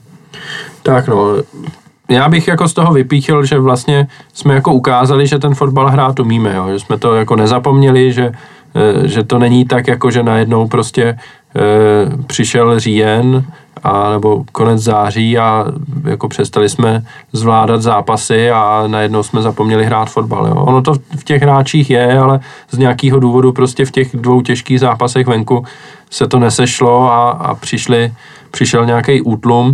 Doufejme, že po té reprepauze se jako vrátíme zpět na, na vítěznou linku. No. K tomu soupeři, vnímáte Feyenoord jako silnější tým než Union Berlin, když jsme teďka viděli ty, ty dva zápasy takhle s těma týmama, nebo přes kterýho z nich si myslíte, že je pravděpodobnější jako jít dál na úkor kterýho z nich? Já se v tu chvíli to neodvažuji nějak jako hodnotit, protože pokud vyloženě se bavíme o naší skupině té konferenční ligy, tak bych počkal na domácí zápas s Feyenoordem a venkovní, venkovní odvetu s tím Unionem Berlín, protože podle mě takhle po jednom zápasu s každým tím soupeřem navíc doma venku, jako hodně, hodně těžko jako to, to nějak hodnotit. No. Ale z hlediska, promiň, z hlediska fotbalové kvality, tak určitě ten Feyenoord na mě udělal obrovský dojem. Já souhlasím s tím, že se těžko hodnotí a kdybych měl brát jenom ty naše, naše zápasy, tak samozřejmě dám víc ten, veš ten Feyenoord, ale, ale jednak ten Berlín byl zkreslený tím, že taky hráli podobně jako my v derby, jako skoro, skoro víc nebo víc než půlku zápasu o desíti a, a druhá eh, viděli jsme, že Rotterdam byl doma mimořádně silný, ale o 14 dní předtím byl schopný remizovat z Makavy, takže, takže mm, vůbec, vůbec se netroufám tvrdit, jak moc v tom hrálo roli to domácí prostředí, jak moc náš výkon, takže je strašně brzo na takovýhle soudy. Hmm. A jenom možná jako Eh, zdůraznit, jestli dobře teda chápu ten systém eh, té konferenční ligy, tak, tak je pro nás eh, výrazně výhodnější skončit první, protože nebudeme hrát s tím třetím týmem Evropské ligy, takže, takže asi by bylo fajn uvažovat tímhle směrem. No. Já no. ještě jenom tam jakoby z hlediska té kvality tam můžeme hrát prostě s tím Rotterdam doma, oni nás budou mít, ale my prostě vyhrajeme 1-0 golem z nějaký standardky. Takže tam potřeba, aby jsme my byli efektivní, produktivní a opravdu na čem musíme zapracovat, tak je ta obraná fáze a ta rozhrávka odzadu, protože dostáváme jako hodně zbytečných gólů po našich jako nesmyslných chybách, minelách, hrubicích a tak to je první věc. A druhá věc, ptal se na ten klíč toho postupu. Já právě ten klíč, jak už jsem říkal předtím, vidím v tom dvojzápase s tím, s tím Maccabi Haifa. Pokud získáme 4-6 bodů, a bude nám trošku přát fotbalový štěstíčko, a Rotterdam s Berlín, Berlínem si třeba splichtějí nebo nějak se oberou o ty, body, aby jeden z nich třeba dvakrát naplno nebodoval, tak tam si myslím, že je ta velká šance a pak by nám mohlo teoreticky stačit třeba porazit Rotterdam a, a neprohrát v Berlíně nebo nějaký jakoby, takový souběh, souběh těch výsledků. No. no, je to jak říkáš, já si myslím, že Eh, hodně důležitý bude, bude ten dvojzápas, nebo vlastně ty další dva hrací dny, kdy my dvakrát hrajeme s iPhone a ti dva naši soupeři hrajou dvakrát mezi sebou a je otázka, co víc si přát samozřejmě. Pokud chceme skončit první, tak ideálně, ať to skončí dvěma remízama a my získáme 6 bodů. ale v dané chvíli prostě Uniony Feyenoord jsou jako velmi kvalitní týmy a já myslím, že bude úspěch, pokud eh, dokážeme nechat za námi aspoň jednoho z nich, jo. I když by to mělo znamenat jako druhý místo, tak eh, si myslím, že prostě eh, pokud třeba Feyenoord by oba dva ty zápasy vyhrál a my bychom dvakrát vyhráli nad Haifou, tak si myslím, že Eh, že to bude zajímavý a můžeme, můžeme se stát, že pojedeme do Berlína už v situaci, kdy Union nebude mít šanci na postup ani, jo. Takže ale to, to je samozřejmě... A nebo je možný, že to bude obráceně a Union bude mít jistý postup a my tam pojedeme, budeme stačit třeba remíza a oni se na to vykvajznou a, no. a v pohodě tam splichtíme, ale to těžko teďka, teďka soudit. No. Vidíme, no. Já jenom za sebe musím říct, že to trošku rejpačka na tebe, omlouvám se, že jsem rád, že máme takovýhle soupeře ve skupině, že máme takhle těžkou skupinu, protože to nás opravdu prověří a to ukáže jakoby naší kvalitu. Jo? Pokud jsme chtěli hrát ligu mistrů, případně Evropskou ligu, tak musím říct, že tohle skupina je fakt na úrovni Evropské ligy a ty týmy mají určitou kvalitu. A těším se i na ty Izraelce, protože já si myslím, že jak hráli s tím, tu plechtu s tím Rotterdamem, tak podle mě vyloženě jako slabý soupeř to jako nebude. No. A to jsme hráli třeba s Beršívou nebo předtím s uh, Maccabi Aviv, tak to taky nebyly nějaký ořezávatka. Hmm. No, k Izraeli bych se teď rád dostal, několik poznámek. Eh, jedna z nich mám Haifu v live sportu v oblíbených týmech na základě hmm. toho, že s nima hrajeme, eh, takže vím, že včera hráli s Berševou, krásný zápas, prohráli jedna, dva, tři červené karty, dvě na straně Haifi, jedna na straně Berševy. Vítězný gol v nějaký 97. minutě, asi nebo v 95. od, od Berševy. No, nádherný zápas to musel být. A druhá věc, co jsem chtěl říct, tak já jsem vlastně viděl půlku zápasu eh, to Feyenoordu v, tý, eh, v tom Izraeli s Haifou a upřímně řečeno se na to v zásadě nedalo dívat. Jo. A to tempo bylo jako daleko nižší než, než to, co bylo k vidění v tom Rotterdamu. A přijde mi ale, že to je prostě obecná vlastnost jako všech zápasů v Izraeli, protože co si vzpomínám, tak náš zápas v té Berševě byl jako hrozný úplně když hrála Plzeň v té Berševě, tak se na to taky nedalo dívat, na ten zápas jsem, jsem se díval, oni tam prohráli 1-0, ale přitom ten soupeř jako vypadal úplně zoufale proti nim, jo, a, ale Plzeň prostě nebyla schopná tam nic hrát, já nevím, jestli to je tím, že tam jsou nějaký jako suchý hřiště, nebo prostě ten to míč tam, možná, no. jo, podnebí, ale prostě ty zápasy tam vypadají hrozně. A já jako už se teď psychicky připravuju na to, že až tam do té hajfy přijedem, takže se na to taky nebude dát dívat, že to prostě bude vypadat, že všichni jsou zpomalení zpomalení a přitom prostě ten zápas pak může skončit jakkoliv. No, no co si matně pamatuju v tom Tel Avivu, tam to byl taky takový jako nic moc zápas, kde jsme vyhráli jako pěknýma golama Hušbauera, myslím, no, jo, ale jako by jinak to byl takový jako remízový hmm. zápas o ničom, no, kde prostě přesně tak, nic, no. nic jako nezaujalo nějak. No. no. A pak doma jako ty soupeře jako přehrajeme s prstem v nose, hmm. že jo, úplně a oni vypadají až komicky, ale prostě v Izraeli. Tam je základ udělat fakt všechno pro to, aby jsme tam vyhráli. No, no, to si myslím, že potřebujeme. Nebude to lehký zápas určitě, ale jako už hrajeme tam v, jako v relativně krátké době vlastně po třetí v Izraeli, tak už bychom snad jako mohli být na to nějakým způsobem jako připravení. Já chápu ale... to, že se je liga jako priorita, vůbec proti tomu nic nemám. Pro mě i jako pro fanouška vždycky největší priorita prostě vyhrát ligu a ty evropské poháry jsou za mě jako bombonek, taková třešnička jako navíc, zápasy jako za odměnu, už to řeknu takhle hloupě ale zase na druhou stranu nevidím, nevidím důvod, proč, proč by tam ne, nehrát a nesnažit se postoupit skupiny. Pořád hrajeme o prestiž, peníze, čest, uh, koeficient, ty hráči se ukážou prostě v Evropě, můžeme tam zhodnotit, oni sami si můžou někde vykopat nějaký angažmá, takže pojďme udělat všechno pro to, aby jsme postoupili. Já bych ještě dodal k tomuhle, že vlastně uh, my hrajeme v neděli uh, s Libercem doma a potom ve čtvrtek, takže tam je dost času na to, aby si hráči odpočali. A po Haifě hrajeme v Českých Budějovicích, kde prostě jako, přiznejme si to, uh, jako do pětice nejlepších hráčů patří teď Mick van Buren a Patrik Helebrand, kteří hmm. asi nebudou jako moc hrát, jo, takže jako no, oni... jsme tam hráli 6-0, jestli si nepamatuju. no to už je roka půl skoro, no, bohužel. Takže a hlavně v Českých Budějovicích bych chtěl žít každý. Tak, no. Takže jako určitě mají Budějovice zajímavý hráče i tak, ale nemyslím si, že by to měl být tým, který by nám měl dělat problémy, i pokud by tam nastoupili buď částečně unavení hráči, nebo hráči, kteří nepatří do úplně ideální jedenáctky. Jo. Takže, já teda teďka ty Budějovice sleduju tak jako jedním vokem, ale přijde mi, že tak já nevím, před rokem okolo nich byl takový jako boom, hype, jako hodně se o nich mluvilo, hráli takový jako docela ofenzivní, nebezpečný fotbal teďka mi nepřijde, že by z nich jako měl jít nějaký jako strach, nebo... Ne, tak za, začátek sezóny měli dost špatný, teď se trošku zvedli, jak tam přišel Mick van Buren, jako to se myslím, že, že není no. náhoda určitě, jo, že, to je, že to je spolu souvisí a teď dvakrát v řadě hráli doma, dvakrát vyhráli 3-1, takže se najednou posunuli prostě do první půlky tabulky, myslím, jsou snad osmí nebo tak nějak, takže A on tak ta jejich kvalita toho kadru zhruba tomu středu asi odpovídá, si myslím, no. No, tak jsme to probrali úplně kompletně, koukám do scénáře. Tak já teda jenom zkusím nakonec dát nějakou otázečku, jak to vidíte vy teda s postupem z té konferenční ligy? No já jako věřím, že postoupíme určitě. A myslím si, že, jak jsem říkal, klíč je prostě udělat 6 bodů s tou Haifou. Myslím si, že doma prostě, když budeme hrát s Feyenoordem, takže oni nebudou tak dobří, jak byli, jak byli teď v tom zápase a že to je prostě nějakým způsobem zkreslený, ať už tím domácím prostředím, nebo prostě naší nějakou e, neformou a myslím si, že jsme schopni je porazit. A jako pokud vyhrajeme jeden z těch dvou těžkých zápasů, Feyenoord a Union, tak si myslím, a přidáme dvě vítězství nad Haifou, tak si myslím, že postup je jako v kapse. Se čtyřma výhrama to musí klapnout.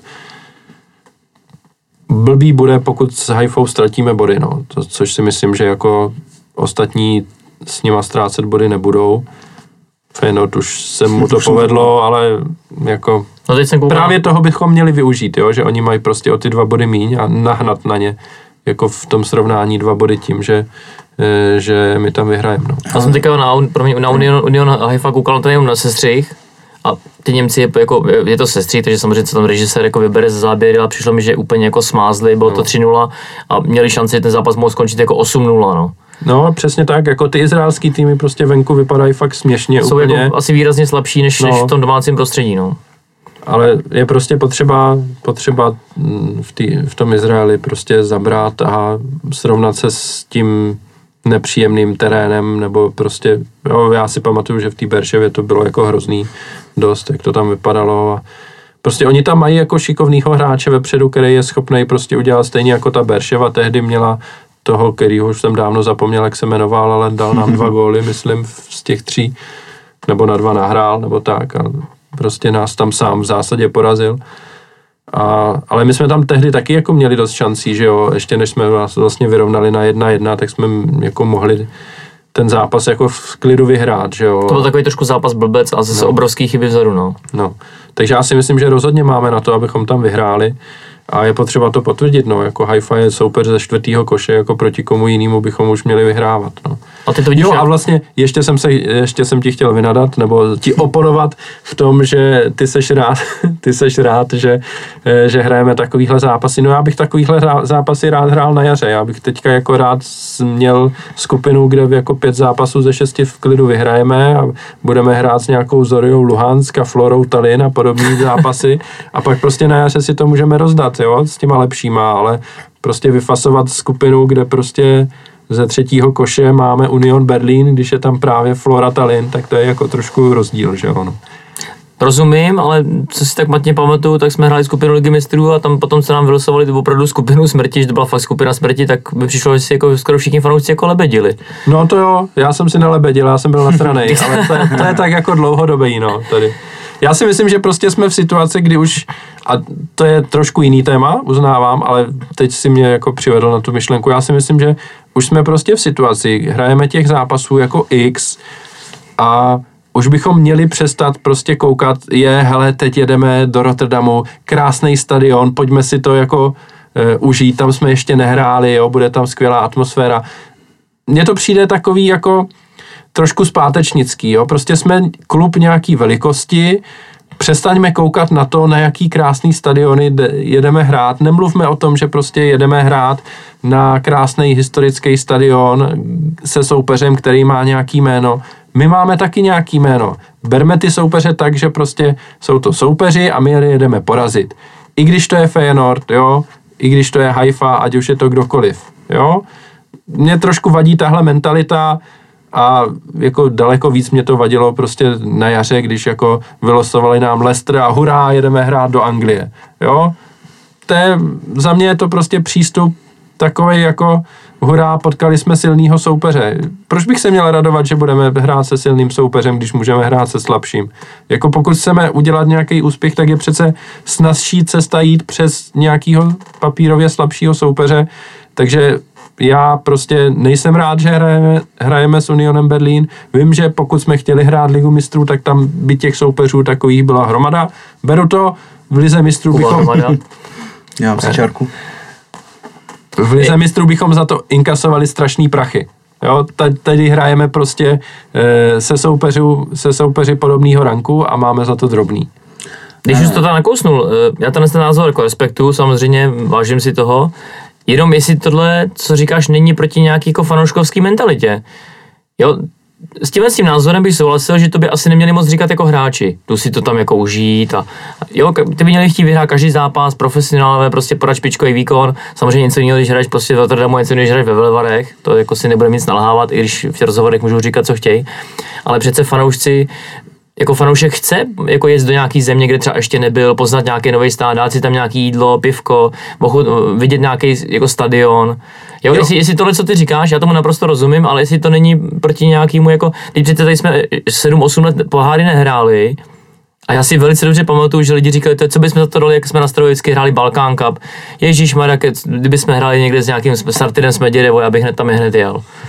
Jo, jestli, jestli jsme se jakoby z tohohle extrému nedostali hned najednou do druhého extrému, ale Barcelona a podobně, s tím Lesterem to jako souhlasím, zase jako ne, nepohrdal bych prostě tím, tím názorem, pro někoho to může být opravdu jako zážitek a já fakt takový lidi znám jako desítky, stovky, který si to tam, jako, když to řeknu, blbě jedou užít, samozřejmě jedou tam fandit slávy, podpořit jí, ale je to pro ně nějaký jako kulturně společenský jako zážitek. Je to prostě taková jako třeba i dovolená. Hele, z hlediska fanoušků tohle naprosto chápu. Já jsem t- měl na mysli teď jako vyloženě realizační tým a hráče, No, kteří prostě jsou vždycky jako nadšení, že jedeme hrát s nějakým silným soupeřem a mně to přijde trošku jako takový zbytečný. Jo, No. a tak to si myslím, že, že opravdu byla spíš záležitost těch, hlavně těch e, zápasů v jarní části Evropské ligy, kdy jako Cabra na sebe naskákal, když jsme dostali Chelsea nebo, nebo podobně, ale teď, teď mám právě pocit, že, že tyhle ty zkazky šly hla- hlavně od fanoušků, kteří si chtějí užít ty výjezdy a, a já jsem vlastně vysvětlil za takovou skupinu taky rád. Myslím, že Berlín a Rotterdam jsou fakt skvělé destinace a jsou to týmy, se kterými se můžeme měřit. Ale, ale chápu zase, chápu to, to, tvoje, to tvoje rozezlení směrem ke hráčům a realizáků a musím říct, že už, už ta Anglie neustále, o kterých se mluvilo a kam jsme nakonec furt jezdili, mi teda lezla krkem zvlášť po té jako loňský vyhrocený jídečce na Britských ostrovech, tak, tak třeba i tohle přejde nakonec. Mimochodem, jestli můžu, nebo... Povídej ty, já udržím myšlenku. Doufám. Dobře, pokus se, protože já to teď odvedu trošku jinam. Eh, Já vím, že jsem se snažil, eh, snažil přijít na to, proč vlastně Rangers na nás byli tak vysazení, protože ten zápas vlastně tam a konec konců částečně i ten domácí zápas byl vlastně takový, že ty týmy nějak jako proti sobě jako nebyly úplně jako přátelsky naladění zrovna. Eh, a trošku vím, že jsem zaznamenal nějakou reakci, kdy, eh, kdy nějaký fanoušek Rangers na nějakém mezinárodním fóru nebo v nějaký diskuzi někde jsem četl, že je jako popudilo, když viděli reakci na los ze Slávie, že jako dostali Rangers a slávisti se radovali. Jo? A že oni to tam prostě chápali tak, že Slávi, Jsou slabí. Slávia Jo. si myslí, že my jsme slabí a že přes nás půjdou, jo. jo. A je to úplně prostě kulturní nepochopení, Ten kdy slávisti no. se radujou z toho, že prostě jedou na britský ostrovy a budeme hrát se slavným soupeřem, hmm. jo, a oni to vezmou tak, že ty vole, tamhle nějací čumáci vole, z východní Evropy si myslejí, že nás jako přejedou, protože že jsme lehcí a pojďme jim jako rozbít držky, jo. To je jako zajímavý, no. tak je to možný, protože už, už jako zkazky, že už tady doma se k nám jako nechovali hezky, No. konkrétně Gerard, jako když za ním někdo přišel, aby podepsal knížku, tak řekl, že ne a, a jestli tam tohle to bylo, že si to předávali mezi sebou a, a vypadá to, že oni jsou jako hodně, hodně hákliví na jakou, jakýkoliv náznak, jakýkoliv urážky, tak jestli je tohle chytlo, to je docela zajímavá teorie, no. Každopádně schválně, jestli si udržel myšlenku a může se vrát- vrátit. Myšlenku jsem udržel, ale skoro jsem neudržel moč, ale to nevadí, to naštěstí posluchači neuslyší. uh, když jsme u tohohle z toho tématu, mně se prostě na tom líbí to, to jako naše poměřování té kvality a té aktuální prostě formy té slávě. A panu Tvrdíkovi spousta lidí omlátilo o hlavu, že, že z nás chce tady udělat nějaký středoevropský jakoby gigant, nebo opravdu tým, který bude každý rok ty poháry a bude prostě opravdu válcovat tu ligu a tak dále mně prostě přijde, že bychom hráli ligu mistrů nějak, v nějaký té skupině smrti nebo v nějaký trošku lehčí, tak tam proti těm týmům samozřejmě člověk má šanci, ale naprosto upřímně jako dlouhodobě tam asi moc toho jako neuhraje. A naopak, pokud jsme hráli konferenční ligu, s, s, nechci nikoho urazit, a s těmi soupeři, jako si ty zmiňoval, tak tam naopak by jsme jako skoro vždycky hráli o ten postup. Mně prostě se líbí, jak ten Feyenoord, Rotterdam, tak ten Union Berlin, že to jsou zhruba týmy, teď někdo veme za slovo, ale zhruba na naší úrovni jako sportovně. Samozřejmě ekonomicky a tak dále, Rotterdam má asi šestkrát větší rozpočet, že jo, ty jsou prostě úplně jinde, mají tři, tři akademie prostě po světě, jednu v Africe, tahají si ty hráče jak, jak z klobouků, že jo. Union Berlin prostě taky určitě, když ty na tom finančně nejsou nějak extra dobře, ale to prostě zabezpečený fungující německý tým, takže ty jsou ekonomicky úplně jinde, než jsme my. To je jasný, ale, ale sportovně prostě nějaký, já nevím, druhý, třetí tým holandské ligy plus, plus nějaký tým ze středu, středu Bundesligy, tak prostě si myslím, že by měly být zhruba na naší úrovni a mě na tom právě baví to porovnávání. Jako. Jo, já to, tohle já naprosto beru a jako v zásadě takhle. Myslím si, že pokud bychom z té skupiny jako vypadli, tak skončili třetí, tak je to samozřejmě neúspěch, ale není to ostuda. Jo? Prostě jo, skončíme za týmy, které jsou finančně nad náma, kvalitativně zhruba na naší úrovni. Jo? Neúspěch, ale není to ostuda. Ale když řekneš, že prostě si vypadl v předkole ligy mistrů, vypadl v předkole Evropské ligy a vypadl ve skupině konferenční ligy, tak jako je to průser, že jo? Jo, co si budeme nalhávat? Prostě čistě série těchto výsledků je jako průšvih a historie se tě pak jako už nebude ptát na to, že e, si hrál jako s lepšíma týmama, protože prostě je to konferenční liga a všichni si myslí, že tam jako hraješ s nějakýma zoufalcema, což prostě nám se bohužel nepoštěstilo, byť jako v uvozovkách zoufalců tam bylo dost na výběr. jo, tak jako samozřejmě se to stát může a, a už teďka jsme si zadělali jako těma výsledkama před kolech na, na jako hodně neúspěšnou sezonu v pohárech, ale i když se to stane, tak jako je to jedna sezóna, která se prostě nepodaří a takovýhle výpadek má každý, každý tým a Sparta může vyprávět, tak kdo si dneska vzpomene na Haken nebo Suboticu. No, jako no. já se taky občas jako... Ale, právě jsi si vzpomněl.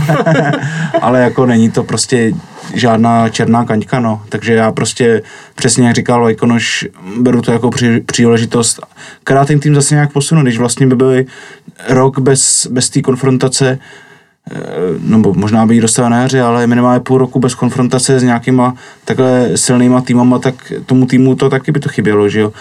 Podívej se, jak vyrostli ty hráči, co hráli Ligu mistrů a, a jakým způsobem to pak zužitkovali v té evropské lize. No. Jak to mám jenom tři rychlé podbody. První podbod, naprosto souhlasím s tím posledním, co jsi řekl, protože se bavím s lidmi o fotbalu, i třeba s agentama a tak dále. Ty hráči rostou těžkýma zápasama. Jo, proto si myslím, že i tady se třeba uvažuje, aby se ta liga nějak jako zúžila, a když to řeknu jako ne, no, na rovinu, prostě aby ty nejslabší týmy vypadly a hrál se daleko víc těžší zápasů proti, protože ta úroveň se potom zvedne a ty týmy nahoře budou mít daleko prostě větší úroveň, než, než mají teďka. To je první věc. Uh, druhá věc, teď jsem neudržel tu myšlenku, no. Ajajaj. Eh, co jsi říkal předtím, prosím tě, no? Ty už taky nevíš, viď? No, říkal jsem, že se na to zapomene. Jo, eh, eh, on, Ondra, vy jste ještě zmiňovali ten, ten pohárový neúspěch. Myslíte si, že to je teda jako letos propadák? No zatím to propadák ještě není. Jako takhle, jako ty předkola jsou neúspěch. Takhle, prohrát s pro, pro, pro, Propadák je možná teda jako silný slovo, ale jako, že jsme dostali jednu facku a pak jsme si mysleli z ligy a dostali jsme jako druhou facku, nebo? Mně přijde jako fakt, myslím, že jako Teď už jsem se s nějak smířil, ale v tu chvíli jsem to bral jako hodně, hodně velký neúspěch proti týmům, zvlášť tomu Ferencvároši, který si myslím, že jsme měli dát. A jo, můžeme se zase bavit, byla to smula nebo takhle, ale čistě na papíře to, eh, to je na ten tým jako mělo nějaký vliv a hned se samozřejmě mluvilo Slavie v krizi, konec éry a tak dál, což, což se doufujeme nepotvrdí, ale já to beru jako velký neúspěch teda. No já si myslím, že Ferenc Vároš je velký neúspěch, protože ten beru jako slabší než Legi. Legia to je takový jako zápas 60 na 40, to jako když se stane, hraješ celý zápas o deseti.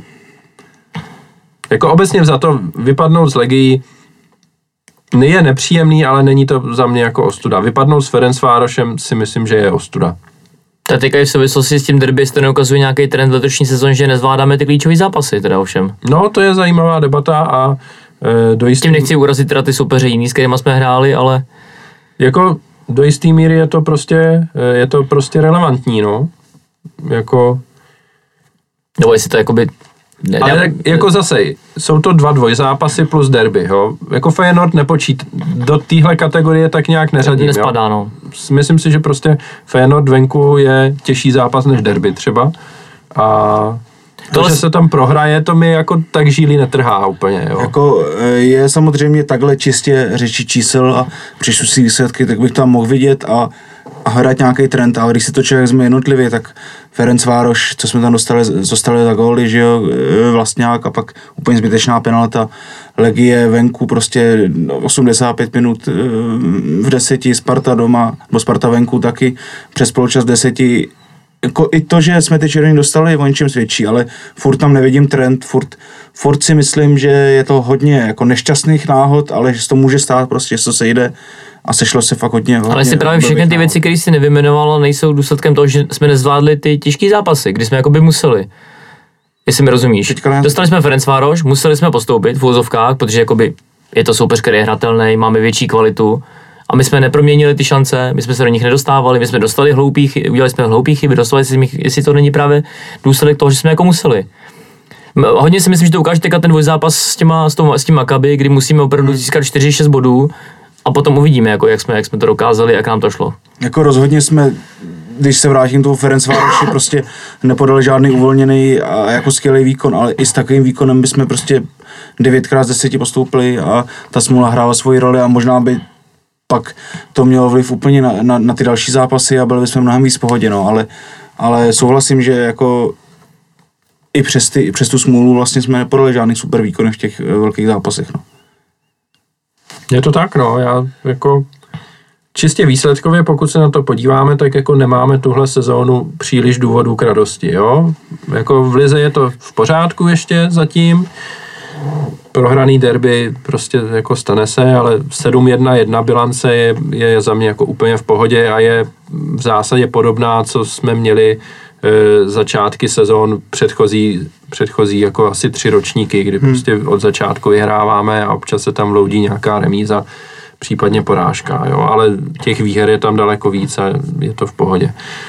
Ty předkola jsou prostě průšvih a jak říkal Alois, no, tam prostě hrály roli různý faktory a drn a, a tak, no.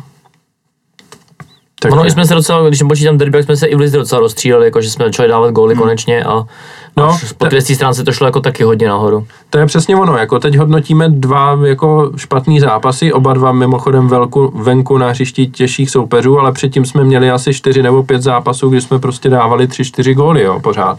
A jako mohli jsme si notovat, jak jako je to super všechno. Jo, takže eh, nemyslím si, že by to teďka mělo znamenat jako nějaký kolaps nebo, nebo tohle, prostě sešli se nám v kalendáři dva těžký zápasy v řadě za sebou a z různých důvodů jsme je nezvládli.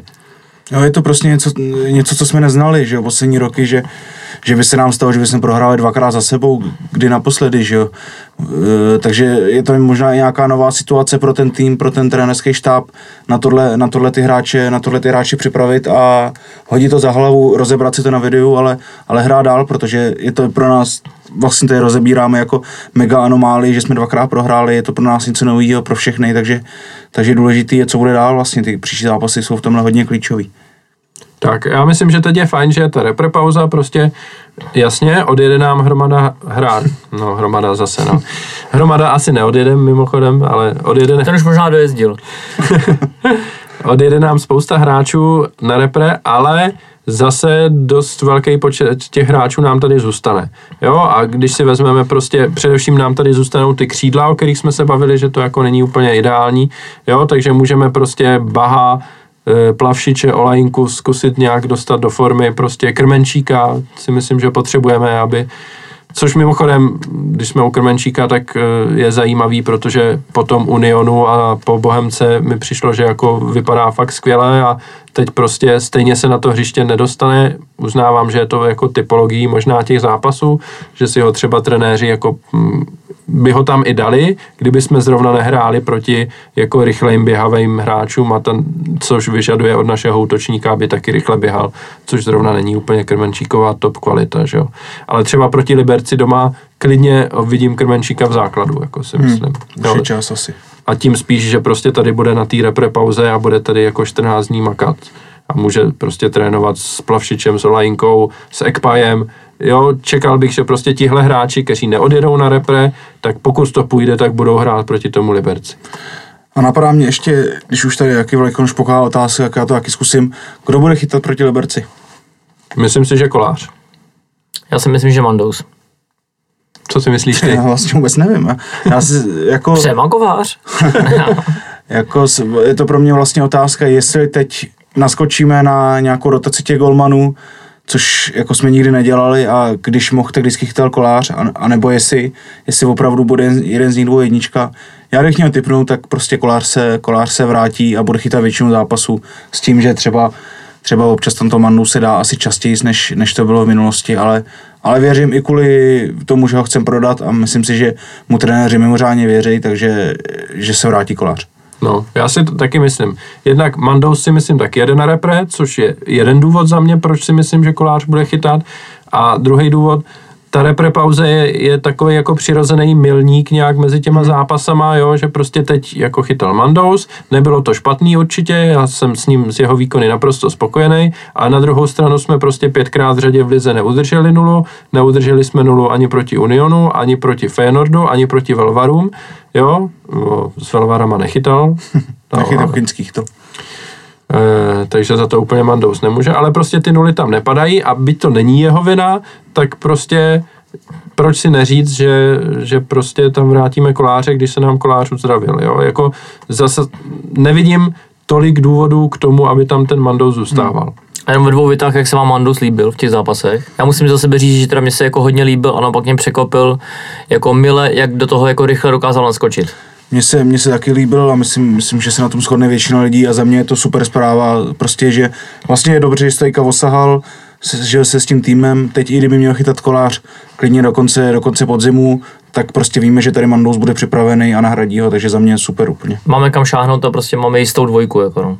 Přesně tak. A, Velmi kvalitní a, dvojku. a čekal bych, že na jaře prostě bude jednička a že bude snaha koláře jako v zimě prodat. Hmm, tak, tak nějak bych to viděl a vůbec se toho nebojím teďka už. začíná říjen, jsme prostě v půlce podzimu a kolář ať to klidně dochytá do Vánoc a mm, doufejme, že už se zase pak, nezraní. a pak eh, A, poždí k Turkovi. tak. Zase je otázka, jak moc velký tlak bude ho potom ho třeba v zimě nebo v létě prodat. No. Tak jsme Já si- dva hráče Já si myslím, že tlak na prodej jako bude. v létě. No klidně i v V zimě. zimě už Tlak myslíš? bude, ale nevím, jaký bude zájem teda. To je druhá věc, no. Ale Mhm. jako čekal bych, že zrovna jako u koláře, jako hráče, který, za kterýho se dá utržit jako zajímavá suma, tak Což je možná vlastně teďka štěstí v neštěstí, že se zranil, protože aspoň jsme si mohli toho Mandouse fakt vyzkoušet no, právě. ve ostrých zápasech v akci a, a bylo vidět, že na to má a tu kvalitu prostě.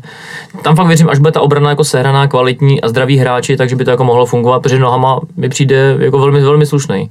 jo, Není jo. tak dobrý jako kolář podle mě nohama, ale, ale je lepší než ostatní brankáři v lize.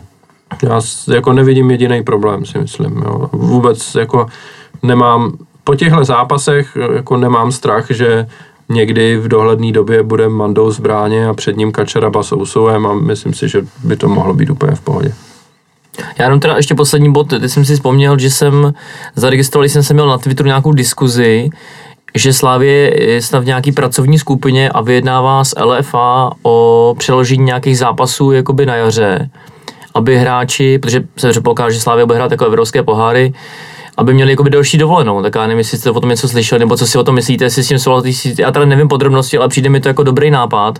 A, a klidně by vůbec by mi nevadilo, kdyby se do toho zapojila Sparta, Plzeň, já nevím, Baník Ostrava, další tým, který by- se předpokládal, že by to mohl hrát, protože opravdu i v souvislosti s tou reprezentací Což je jako druhá podotázka, prostě když ty reprezentační zápasy, já neříkám, že bych jako Slavě podváděl, ale já prostě bych třeba ty reprezentační, jako na ty přátelské zápasy, abych je tam prostě nepouštěl.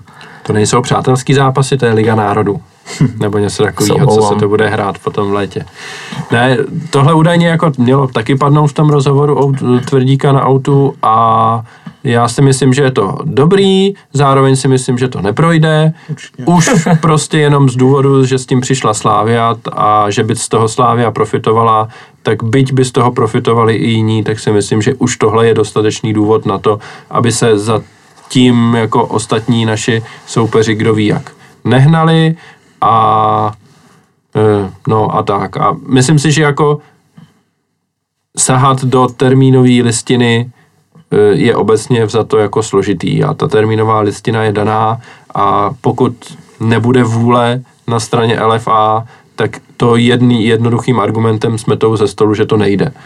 Jo, samozřejmě si myslím, že jde cokoliv, když se chce, ale že se, to, že se nechce, se schová za to, že se řekne, že to nejde. Jasně. No. Teď tohle to někdy přijde dost jako krátkozraký, protože mě prostě u toho mrzí, že nebo takhle, kdyby s něčím takovým podobným přišel Sparta, tak já jako slavista bych byl prostě pro.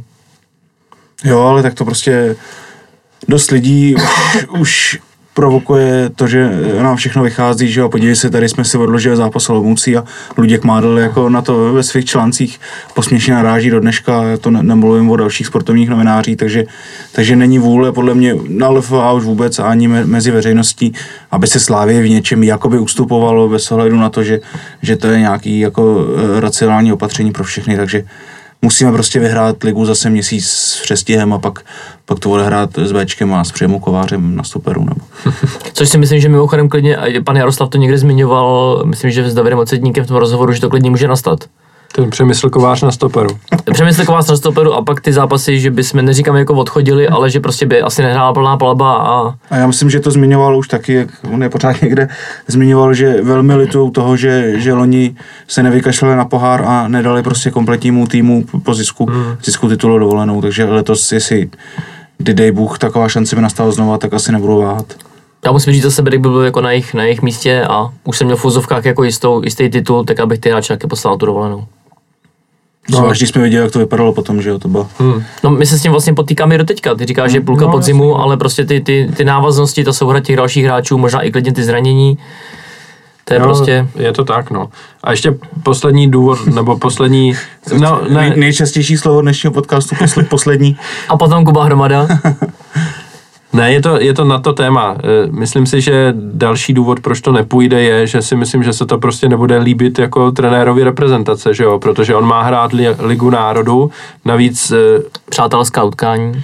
Navíc to bude v té nejvyšší skupině, kam jsme postoupili, takže tam budou zápasy, já nevím, s Německem, s Anglií, Španělskem, prostě takovými týmy a teď my mu tam jako pošleme hráče po 14 hmm. denní dovolené, jako, to si myslím, že být jako trenérem šilhavým, tak z toho úplně jako neskáču do stropu hmm. teda, jo.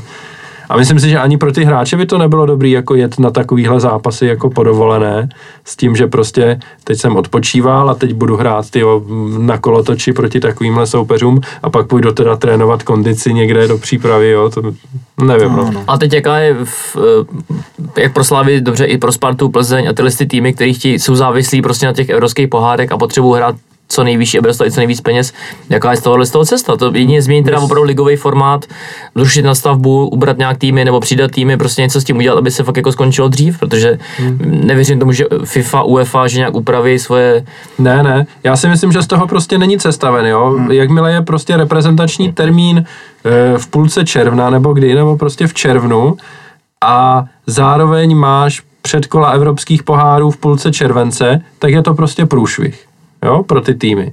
Protože mezi tím reprezentačním termínem a tím termínem předkol prostě není dost času na dovolenou a přípravu zároveň.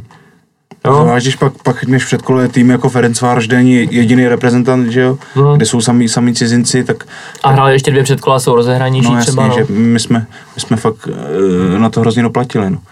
Což je taky ve výsledku potom pláčem sami, protože žádný jiný tým zdaleka tolik reprezentantů nemá v lize, že jo. I když Sparta teďka se tam nakukuje víc, třeba to taky začne víc pálit, protože letos si to fakt sešlo extrémně a úplně se obnažilo, obnažilo nedomyšlenost toho systému. Hmm.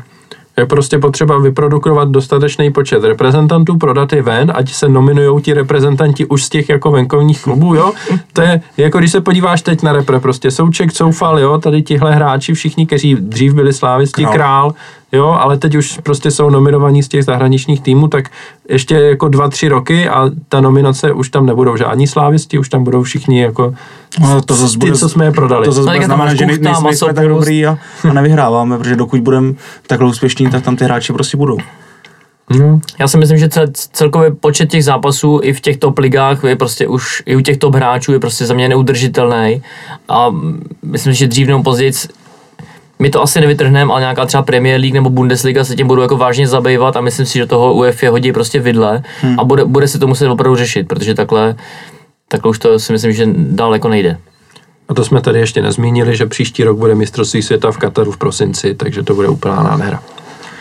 Ano, Vlajkonoš se tady už raduje. Dává si ruku na čelo. A tak třeba, třeba to nepostoupíme. No jako regulérně si myslím, že jako pokud tam český národák nepostoupí, tak z toho budou těžit naše týmy. Hm, souhlasím. Hmm. Proti, proti konkurenci. Což je vlastně jako, když si vymeš systém nějak toho fotbalu nebo ten smysl, tak je to úplně Ne, jako úlet. protimluv a, No, tak pojďme to ukončit, už jsme tady jako... a to jsme vůbec nezhodnotili Berku. Derby. Jako, já si myslím, že nemá smysl to hodnotit. Berka nám ten zápas neprohrál. On Nejsem neprohrál, ale co tam teda předváděl, to mi zůstává rozum stát, jako já jsem třeba 20. minuta, Spartan leží na zemi, jeden z našich hráčů běží, on ho drží za, za trenky, prostě ty trenky jsou natažený přes půl hřiště a frajer mu nedá ani žlutou kartu, dočkal nesmyslný sáně, prostě hodinu to tam řeší VAR, jako nedají mu ani kartu za Mě- to, mě jako- Pavelka tam byl za mě 4-5 žlutých karet, jako no, no významně jsem zdvihal obočí, Jako jako. já jsem významně zvihal ještě po druhý obočí u toho jeho vysvětlení, kdy řekl, že prostě jo, Pavelka měl dostat žlutou, ale byla to devátá minuta, tak jako jsme Jo. si řekli, že to dělat nebudeme na začátku zápasu. Jako Pře- to. přesně tak, no. Já jako mě fascinuje, že tohle jako těm rozhodčím dlouhodobě prochází a že jako jim to jako i ta komise schvaluje, jo? že on řekne, že na začátku teda nebudeme dávat karty a budeme jenom Třeba napomínat. takový něco v pravidlech je? No, No, pak přijedeme na legy a Holeš dostane za ne- nezaviněný faul červenou ve třetí minutě, že jo. To, No. Pak se ty, ty naše týmy dost diví, no. Tohle si myslím, že taky škodí celkově i těm našim týmům prostě v té Hmm. Evropě. Je to, je to zase jako krátkozraký, no. Ale obávám se, že v tomhle tom to je na několik let. Já si myslím, že tam jako není, není, není kde brát, no. Hmm. Co mě na tom hodně mrzí, což chápu tam určitou jako kolegialitu, ale některé jako vyjádření a snaha to omluvit z úst pana příhody, jako to, to, mně se to dost jako nelíbí, tohle to, no. já na závěr, já zdvihám obočí nad tím, že eh, derby píská sudí Berka jako nejlepší český rozhodčí, to si myslím, že je takový dost jako smutný. To jsme dopadli. No. Tak, pojďme to ukončit. Eh, děkuju Vlajkonošovi, děkuju Alojzovi, pánové. Mějte se krásně, ahoj slávisti. Díky za pozvání a zdravím všechny slávisty. Eh, Děkuji vám, milí posluchači, že jste nás doposlouchali až sem. Eh, Teď budeme mít reprezentační přestávku a s dalším podcastem se přihlásíme zase za tři týdny po zápasech s Libercem, v Haifi a v Českých Budějovicích. Mějte se hezky a ahoj.